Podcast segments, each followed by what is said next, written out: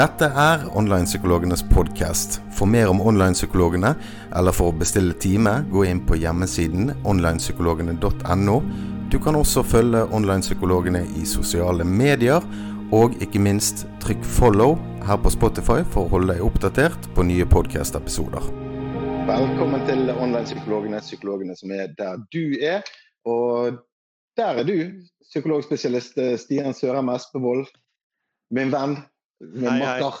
Hvordan, hvordan, går dette? Takk. Du, det har, jeg har det veldig fint, André. Det er en nydelig dag, og jeg eh, ser frem til å ha en eh, spennende samtale med deg. Ja, og i dag så skal vi snakke om AI og chat-GPT, eh, artificial intelligence, som er på full vei inn.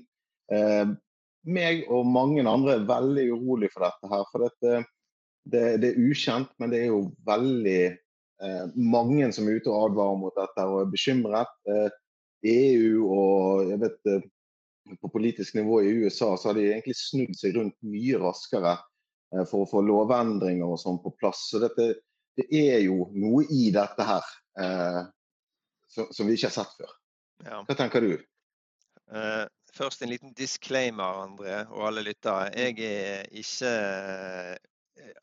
fullt oppdatert på, på det siste forskningen på AI. Eh, og jeg er, jeg er, en eh, nysgjerrig eh, type som gjerne vil eh, diskutere det. Så Derfor så har vi denne podkasten. Men det som jeg tenker, det er at eh, AI-utviklingen og eh, den farten og progresjonen det har ut til sluttkunden eller sluttbrukerne som er oss, den er jo enorm. Eh, og dette er jo bare nok et eksempel på hvordan den digitale æra eh, er milevis ahead of us. sant? Eh, men det som gjør kanskje AI så spesielt i forhold til alt det vi tidligere har vært gjennom med den digitale revolusjonen, det er jo at AI etter hvert begynner å tenke sjøl, begynner å, å, styre og ta over mer av en rekke prosesser som vi mennesker og eh, sammen med datamaskinen har gjort uh, mulig. Så nå vil AI på en måte led, gå i ledtog for det, og, og, gjerne vi blir hengende langt akterutseilt. Og, og, det er på mange forskjellige områder som vi kommer til å snakke om i dag, som gjør at dette her både er kjempespennende, men veldig skremmende.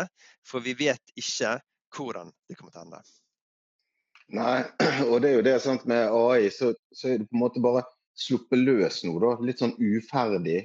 Eh, og det er jo liksom denne her eh, konkurransen. Hvem får den beste? Hvem er det som kommer til å være Facebook i AI? Sant? Facebook var jo en av de som var først ute eh, og tok det markedet. Og i dag omsetter de for uhorvelig med, eh, med, midler.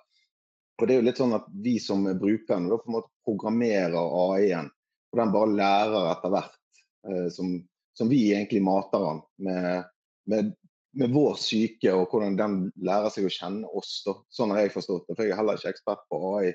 Um, men så, først så tenker jeg det er mange jobber som kommer til å få kjenne dette. Jeg vet at Næringsrådet her lokalt i Øygarden eh, de har hatt advokater inne som har hatt foredrag om hvordan er det når kan vi, erstatte, kan vi bare bli erstattet, kan vi bare bli oppsagt f.eks. For fordi AI kommer. Um, og Ironisk nok så hørte jeg da at på det eh, seminaret så tok han advokaten og så tok han inn og så skrev han liksom foredrag, stikkord i forhold til det han skulle holde innlegg om. Og så bang, så gikk det et par sekunder, så var det nesten identisk. Mm. Eh, det foredraget. Så egentlig skulle jeg stått her. sånn. Mm. Så dette er jo, det er jo disse tingene. ja. Jurister er jo en, blant annet, en av de yrkesgruppene som eh, potensielt kan, eh, kan, eh, stå i fare for å bli utkonkurrert av AI. Fordi eh, et lovverk er jo ganske standardisert og ganske firkantet hvis vi ser på lovsetningene og paragrafer for seg isolert sett. Sant? Så hvis du trenger å, svare på et juridisk spørsmål og refererer da til den norske lov, så vil jo den ganske enkelt kunne gjengi alle de lovparagrafene som er gjeldende for en spesiell type sak. Eh, så, så, mm. man kan si at eh, ja, jurister vil jo være i en situasjon der, der det å eh,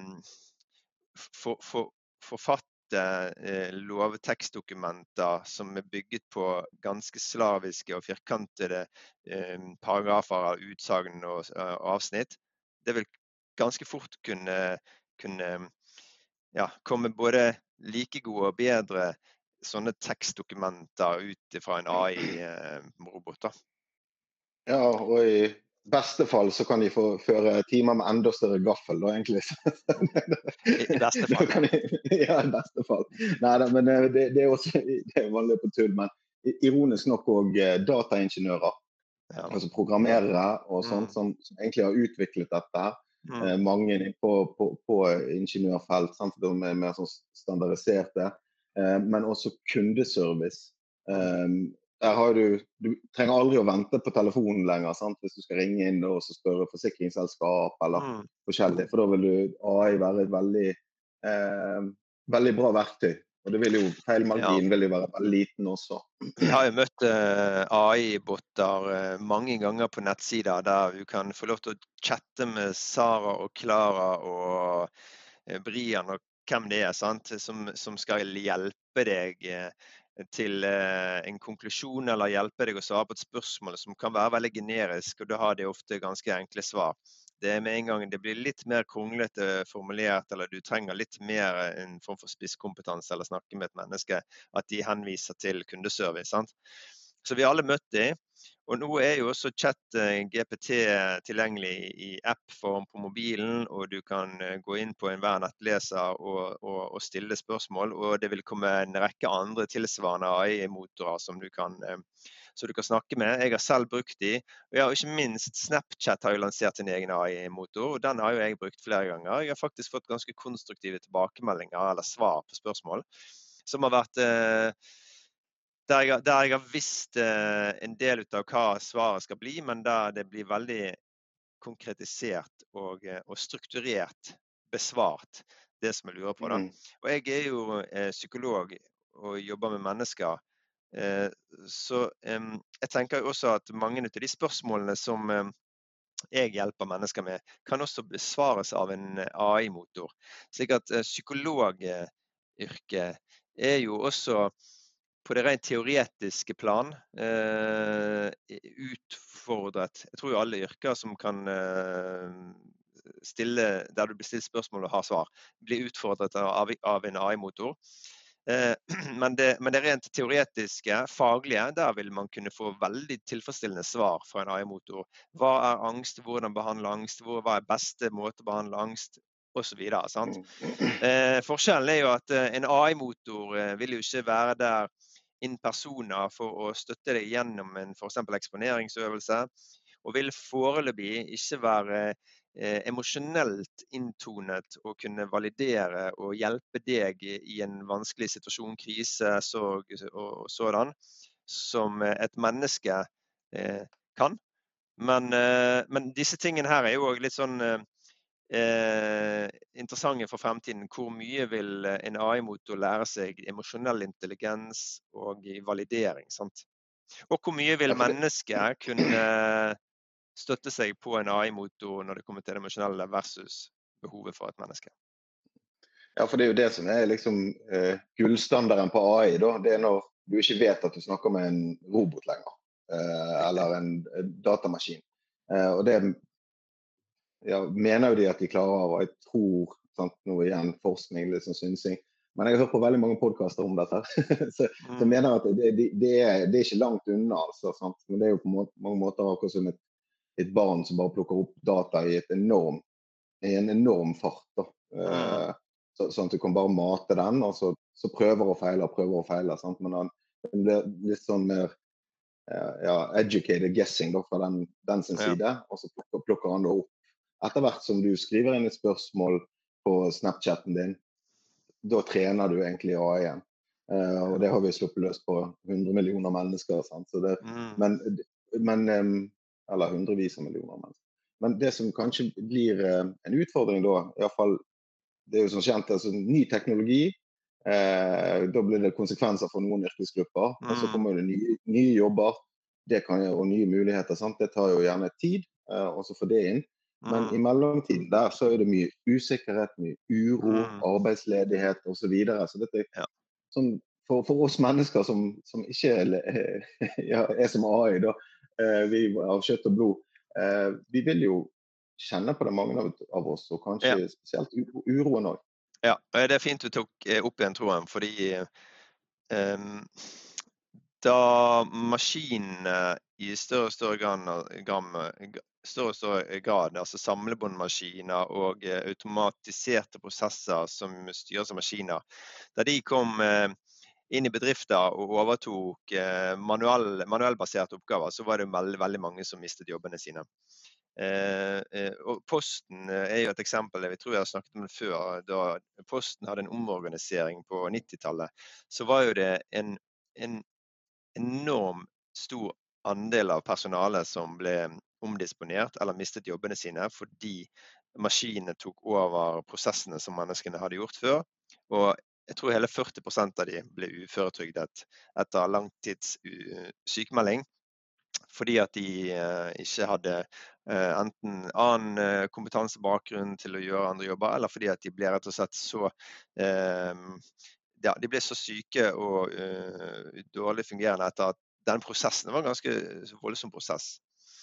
Em, og så er det den usikkerheten knyttet til når AI kommer inn og begynner å, å røre seg og utvikle seg, og, og man snakker i termer som om tenk hvis, når, den gang vi blir overflødige i jobben vår. Og Det setter i gang en psykologisk eh, prosess. Eh, Bl.a. Eh, øker angstberedskapen vår. Det begynner å gi oss en del bekymringstanker, og det kan gå utover daglig fungering fordi det å miste jobben det er noe av eh, det vanskeligste voksne mennesker kan gjøre. Og faktisk især menn. Menn er som eh, gruppe på gruppenivå håndterer dårligere å miste jobben enn kvinner. Pga. identitet, eh, tilhøring og tilknytning til et kollegium. Ikke minst det å være, ha en inntekt som de kan forsørge familie og lignende. Og når man begynner å, å rokke ved et ganske viktig identitetsgrunnlag og eh, grunnlag for hvordan, man, hvordan hverdagen er og livet er bygget opp, da får man eh, mye usikkerhet. Mm. Ja, absolutt. Jeg, eh, altså, hadde vi vært tid til det, så kunne jeg fortalt mye om det, det vet du. Men eh, det, det der har jeg opplevd eh, personlig òg. og det der, det der blir jo veldig vanskelig, sant? for dette har jo vært snakk om både borgerlønn osv. osv. Men du, jeg har jo jobbet med mennesker i mange mange år, og ledighet er roten til alt ondt, sies det. Sant? Og det må jeg eh, Det er min erfaring òg. Vi trenger en meningsfull hverdag på et eller annet vis. og Spesielt den med jobb og identitet og sånt som identitet er noe så mye, men iallfall at man har da noe å gå til. Eh, noen rutiner, noen vaner eh, som gir en noe. da.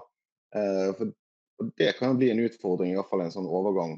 Eh, nå har vi lav ledighet da, eh, i Norge, men økt ledighet. Vi har jo hatt mange yrker som er gått offshore, altså utenlands, mener utenlands eh, allerede. Sant? Så, så, det er jo en utfordring der med arbeidsmarkedet hvis dette her da Kapitalen styrer jo gjerne mer enn vi ofte liker å, å si, eh, hvis dette blir implementert på, på, ja, på, systemnivå i flere store bedrifter.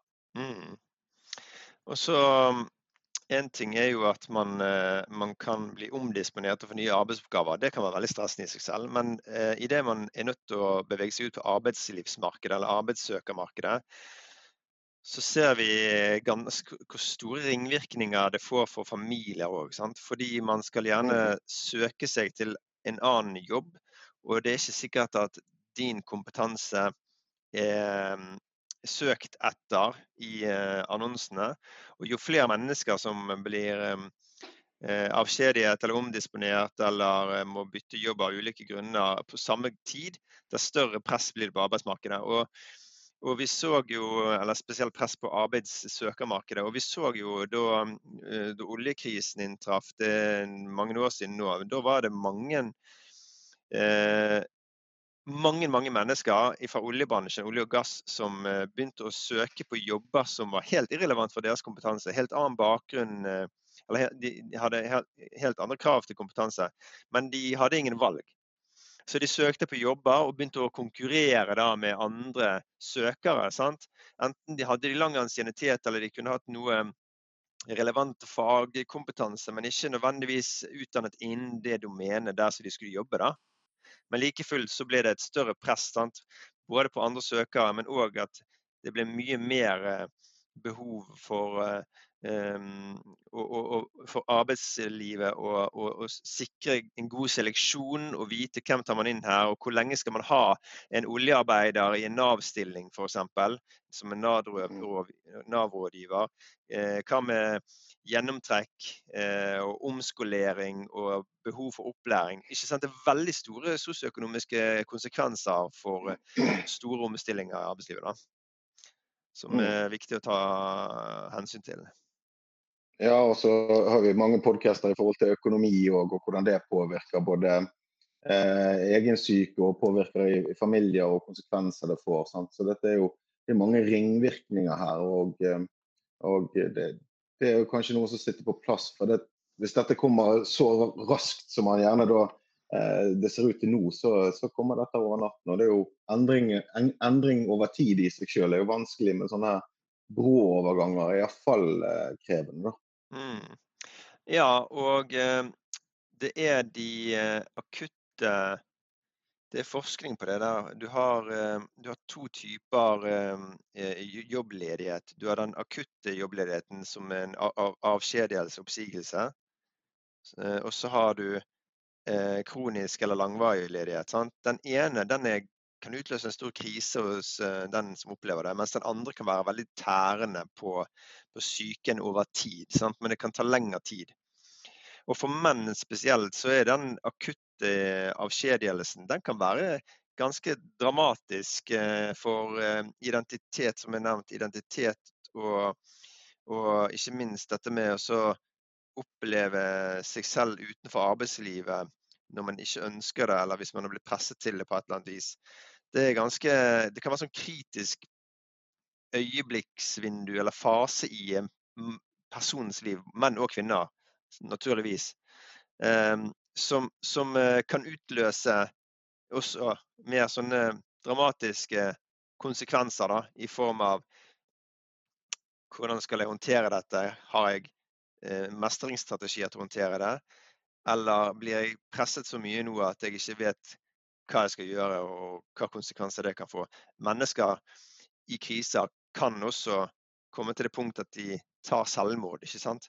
Eh, fordi at de ikke vet hvordan de skal eh, takle de sosiale konsekvensene. Jeg har mistet jobben, jeg må formidle det til familie, til nettverk, til venner.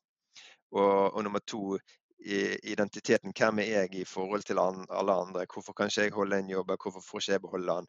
Hva er det med meg? Så, så blir det en stor krise for dem. Og det kan jo pushe mange, dessverre, da, i retning ja, og, jeg tenker jo spesielt, Da er jo det kanskje viktig for mange òg å i hvert fall få kunnskap om psykisk helse.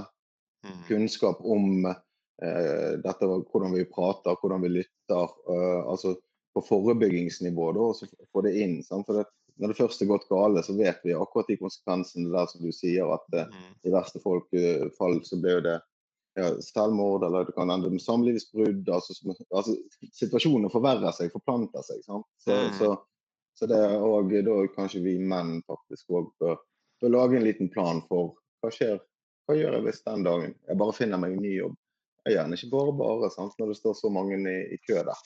Det, og det, der, det var et sånt stikkord der. sant? Eh, hva er din mm. plan? Eh, vi har jo diskutert dette litt sånn i, i, i, i arbeidsgruppen Aldri alene som er selvmordsforebyggingsprosjektet vårt. Eh, hva er mm. din plan når det går, eh, når det går gale i, i, i, privatlivet ditt? sant? Vi har en plan for hva vi skal gjøre når, vi, eh, når det brenner. Vi har en plan for hva vi skal gjøre hvis det er innbrudd. Vi har en plan for hva vi skal gjøre hvis, det, hvis det, vi har en ulykke med bilen. sant? Men hva er planen din hvis du opplever en psykisk knekk eller en psykisk krise? Eh, livskrise. Hva er planen din hvis du får mørke tanker, hvis du mm. eh, tenker at livet livet ikke er verdt å leve, og at du har lyst til å ta livet ditt? Da er det viktig å ha den planen. Og den planen Det kan også være en plan for hva, hva skal du gjøre hvis du hvis du kommer ut av arbeidslivet av ulike grunner, sykdom, langtidssykmelding, skade, akutte saker, sant? hva er planen din da? Det er i hvert fall viktig at man, eh, man har noen man kan konsultere, ikke sant? Uavhengig av problemstilling, så må man mm. konsultere noen. Det gjør man jo også hvis, hvis det går gale på andre områder. Sant? Man ringer til det ene og det andre nummeret for å få veiledning. Og Det bør man også gjøre hvis man får tanke om at man ikke ønsker å leve lenger. Ja, jeg syns den er god en. Den må du gjerne stjele hvis du liker den. Men eh, hvis du kjenner det begynner å prikke i, i venstrearmen, så vet du, da har du en plan for det. sant? Da vet du at du ringer til, til AMK med en gang. Eh, for da er det mest sannsynlig hjerteinfarkt. Um, men det er jo samme hvis du kjenner det her, det trykker innenpå der, eller du høye skuldre eller sånne ting, så er jo det et signal om at ok, nå må jeg prate med noen. Gjerne ikke det akutt som på et hjerteinfarkt, så der nesten minuttene teller. Men, men kanskje det er det òg. Det kan være det. Det er mange som får det da. og Hvor, hvor, hvor får jeg hjelp da? Ja, for det er, jo, det er, jo, en myte som sier at uh, den, som har, uh, den, som har, bestemt seg for å ta livet sitt, han kommer til å gjøre det uansett. Og Da kan du si, kan du si at uh, du kan se på det med to øyne. Du kan si at de som har tatt livet sitt, de bestemte seg for å gjøre det, og de gjorde det. Men de som har tanker om at nå skal jeg ta livet mitt, de kan overtales og få andre perspektiver på livet gjennom en samtale. Så hvis noen mm. sier 'jeg har tanker om å ta livet mitt', så er ikke det sånn ah, 'jeg var akkurat litt for sein, for nå har du allerede fått tankene', og da kan ikke snu det. Men det er jo en unik anledning for eh, tilhøreren å kunne komme med altså stille spørsmål, lytte til, være åpen, validere. Gi rom og, og emosjonell støtte til den personen. Shit, jeg visste ikke at det var så ille. Jeg hadde ikke tenkt at du strevde så mye som du har gjort. Og jeg vil veldig gjerne være til hjelp på en hvilken som helst måte jeg kan. Enten det er en samtalepartner, støttespiller, noen som hjelper deg i kontakt med andre i systemet. Og den ene samtalen Du trenger bare én signifikant person som lytter til deg. Og så kan de selvmordstankene svinne hen, eh, forvitre, bli mindre påtrengende. Og så velger du livet i stedet for selvmord. Sant? Vi må tenke at eh, vi som borgere, da, meg og deg og alle andre, vi har um, en mulighet til å påvirke, og vi har et mandat i kraft av å være borgere i et samfunn og til å hjelpe mennesker som, som ikke har det bra. Sant? Og derfor så er det det å bare tilby enten en samtale eller ha en plan for hvem man skal ringe eller hvem man skal snakke med, er, kan være alfa og omega og livsviktig i de situasjonene der krisen oppstår. Ja. Preach. Amen. jeg jeg syns det er veldig fint det du sier. Og, og vi har jo pratet om dette tidligere også i forhold til det med selvmord og, og de tingene som, som hvordan altså Den skålen kan vippe veldig fort over på det dårlige, men vi glemmer òg at den kan vippe faktisk til det gode òg, og bli en utviklingsmulighet. Sant? Altså En mulighet for at OK, nå var jeg sårbar. Jeg delte dette her. Jeg kan være litt stolt av meg sjøl. Jeg, jeg, ser hvor, jeg kan gå nå. Sant? Jeg kan iallfall gjøre dette igjen mm. i morgen eller neste uke. Sant? Mm. Og, og lette litt trykket. Men der på, på relasjonsnivå, da, vi ser vi har snakket mye om sosiale medier. Sant? At vi er i vår lille boble alle sammen. Eh, jeg sier litt sånn, litt sånn smånarsissistisk samfunn i, i hermetegn. Der vi liksom bare ligger ut den versjonen eller den beste versjonen av oss sjøl. Og, og, ja, eh, som kanskje ikke er så sunn. Men når vi da tar på relasjonsnivå, sånn som på chat-GPT, at du har en, en shommy, en kompis, en venninne mm. eh, der inne som du kan kan prate med, og som, mm. som egentlig du, du, trener opp da, som din venn. Som da liker de samme tingene, vet hvordan du liker å bli reagert på, eh, hvordan du skal være. Sant? Da mister vi noe på mellommenneskelig nivå. For hvis ikke jeg blir utfordret som menneske, hvis ikke jeg mm. får jeg syns du er veldig god på det der, så bare mener du egentlig det der, André? Vi er venner utenom å mm. Jeg har jo godt av det spørsmålet, sant? for mm. jeg har jo ikke alltid rett, Stian. Jeg må jo mm. til meg med det. ja, og vet du hva, jeg tenkte litt på det. Sant? At det der med å, å ha eh, en, en, signifikant person å snakke med, eh, det kan være viktig. Men det må også være på en måte oppleves eh, og, når man snakker med noen, når man snakker med et menneske, enten det er på video eller det er i virkeligheten, så, så fanger hele den mellommenneskelige relasjonen fanger samtalen og gjør noe, tilfører veldig mange elementer til samtalen som man ikke får ved en tekstkommunisering, eh, det skriftlige språk. Vi vet veldig godt hvordan det er, du og jeg og alle som lytter. Eh, hvis vi er i en eh, nyforelskelsesstadie eh, der vi tekstmelder med en, eh, en potensiell partner, eh, så vet vi veldig mye at selv eh, en drøssevis av emojis kan ikke fullt og helt kompensere for alle de følelsene og, og, og mimikk og atferd som jeg har lyst uh, å vise, og som jeg sitter inne med og, og måte vil dele med verden og med den jeg melder med. Eller hvis du uh, skriver uh, meldinger til og fra en person, og du går glipp av, eller du ikke klarer å fange opp ironien og sarkasmen i det skrevne format, så vil det oppstå fort veldig mange misforståelser. Og så tenker jeg, Hvis en person som av ulike grunner skulle sitte og chatte med en, eh, en chatbot, eh, intelligent, eh, kunstig intelligent chatbot, begynner å, å, snakke om de kanskje kritiske og viktige spørsmålene som hvorfor skal jeg leve? Trenger jeg å leve? Er det vits at jeg lever? Og Jeg vet ikke hvordan en chatbot vil reagere på de spørsmålene. Men si at det, det, det kommer til et punkt der du eh, insinuerer at man ikke lenger bryr seg om nettverket fordi at man har jo chatboten sin. Da vil man først og fremst gå glipp av alt det som den mellommenneskelige relasjonen tilfører til både samtalen, spørsmålene, forståelsen og perspektivtakingen. Men man vil også begynne gradvis å isolere seg, trekke seg unna. Og så mister man mer og mer av den sosiale kompetansen. Det skjer ikke over natten. Men jo mindre man snakker med mennesker, men mer med en skjerm, dess mindre sosial kompetanse får man, og dess vanskeligere blir det å møte mennesker igjen, på sett og vis. sant? Mm. Og I tillegg, når du, når du sier at eh, som man, som man eh, eh, reder, så seiler man. Altså, hvis du stiller spørsmål på en måte der du søker bekreftelse, du får bekreftelse, og det hele tiden handler om at det du ønsker å få høre, det får du høre av en chatbot. Ja, så vil man jo miste en del viktige perspektiver, nyanser og innfallsvinkler på ting som du sier, det har jeg faktisk veldig godt av å bli utfordret på. Mm. Det er jo det vi har, eh, vi mennesker iallfall. Når du sier litt sånn, så det, det er jo samme som du søker på internett så, så, finner du på en måte den versjonen, du finner den dietten du vil ha, du finner den politiske meningen du vil ha, du finner jo ja, den forskningen du vil ha. liksom, det er, mye, det, det, er så mye informasjon der. Og, og Det er jo viktig å være kritisk tenker jeg, i hvordan man bruker eh, nettet. Men her kan det bli en som nesten fanger deg, favner deg. sant? Og jeg tenker, si, si de som eh, da er ung, Eh, vi kommer jo fra en annen tid, eller iallfall jeg skal ikke dra deg med i samme laste her. men, vi ikke så langt unna hverandre. Nei, ikke så langt unna. Men, men um, de, de, har kanskje et annet eh, forhold til dette. Sant? For vi mm. vet hvordan det var å ha hustelefoner osv. Eh, men de som vokser opp da, og gjerne ikke har ferdig utviklede hjerner osv., så, videre, og så, videre, så er du 13-14 år, det er ikke så gøy å gå på skolen, dette sosiale er vanskelig. Men jeg har en venn her, og jeg har gamingen min. og når går denne da for en 13-14 år gammel gutt som gjerne ser på en del pornografi osv. over til å bli en seksuelt ladet chat, sant? for eksempel. Mm. Um, og da har jo på en måte en kjæreste, da.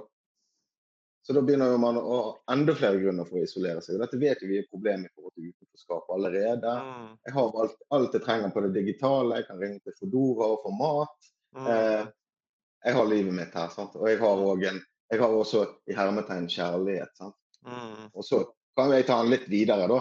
Jeg som hører på mange podkaster i forhold til robotteknologi, mm. som begynner å bli nifst god. Eh, og ja. så tar du da ut og så kan du programmere et AI-en din eller kjøpe den fra Snapchat etter så og så mange år. Så setter den inn.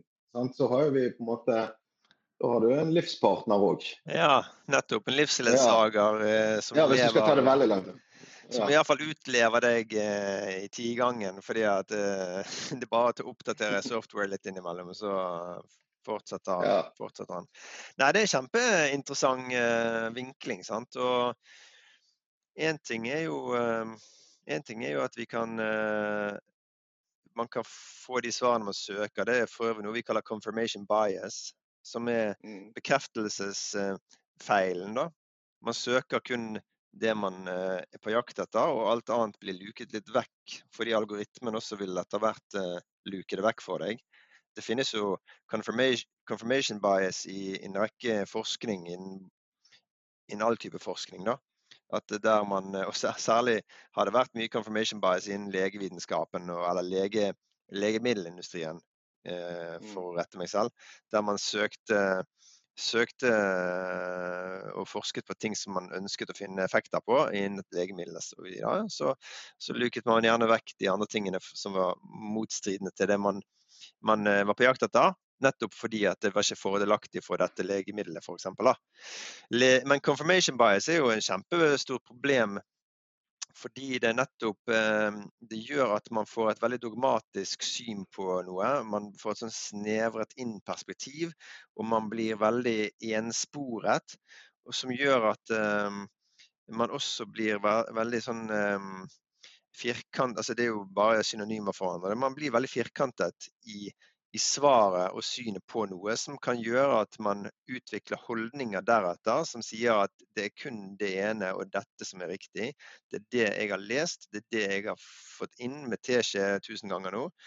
Og, og det andre som du kommer med, det er ikke ekte for meg, da. Det er ikke sant for meg fordi at Mm. jeg har en annen historie. sant? Men jeg må bare skyte inn eh, bare, eh, Det kan at vi kommer til det og sånn, men eh, jeg tenkte det med ja, Nå blir det en digresjon, så det kanskje passer ikke. Men jeg ville bare nevne hvordan dette med Når det kommer til arbeidsliv og kunstig intelligens, og hvordan man kommer seg i arbeidslivet, André, sant? så vet vi jo òg at uh, en kunstig intelligensmotor kan eh, generere mye tekst på kort tid, som er veldig oppdatert på fag, uh, og som kan brukes i formidling av fag og kunnskap til sin egen fordel, men det er ikke du som har produsert det. Mm. Og det Juks. med andre ord. Ja. Mm. Ja. Og da, jeg vet ikke om det passet akkurat her og nå, men Det, vi gjør som vi vil, vi. Så dette går bra.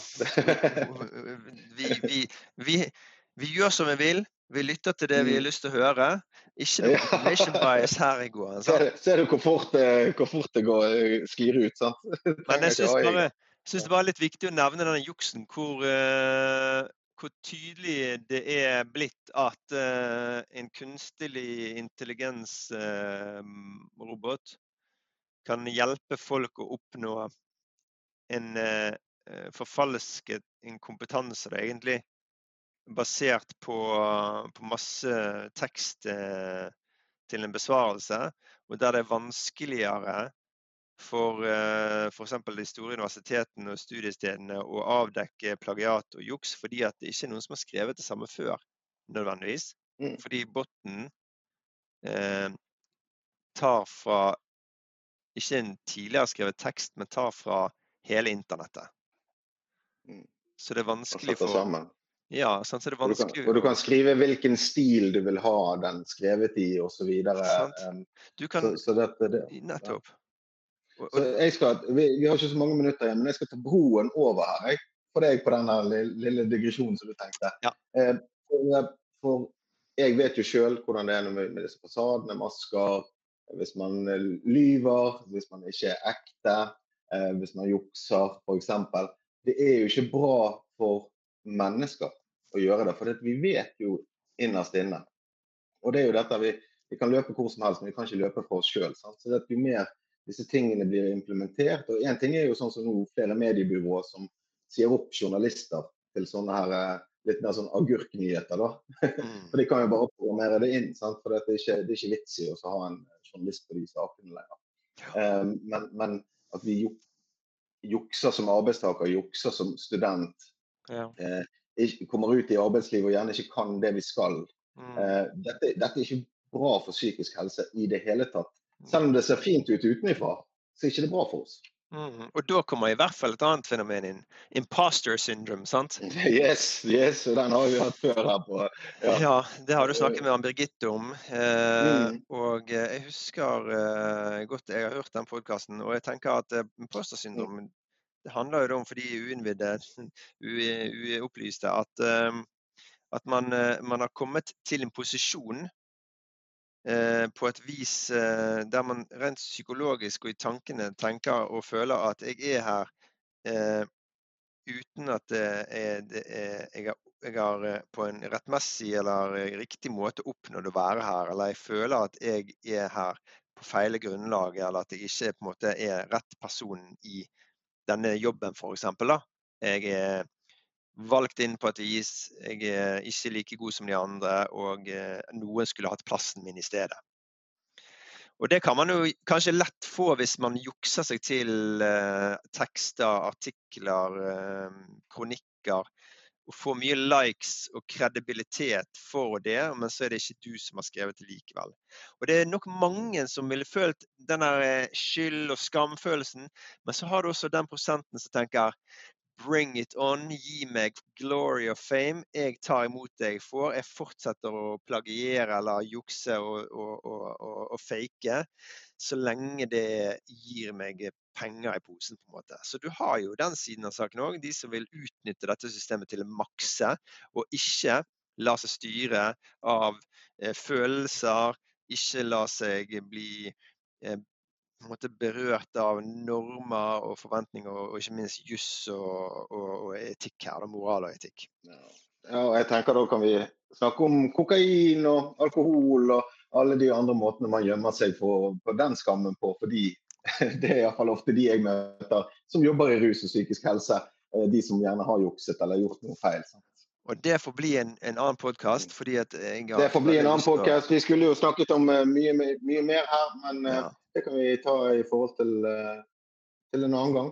Mm. Tusen takk for praten igjen, Stian. og tusen takk for at du lyttet. Lytter på online og følger online-psykologene her på YouTube og på Spotify. Del med en venn. gå inn og les mer på onlinepsykologene.no om varierte temaer rundt vår psykiske helse. Og eh, ja, følg på Instagram og TikTok og Facebook. Ikke minst ta vare på deg sjøl eh, der ute, og eh, ring en venn eh, og si at du er glad i dem. Stian, eh, jeg er glad i deg. Tusen takk for praten i dag. Takk likeså. Ha det godt.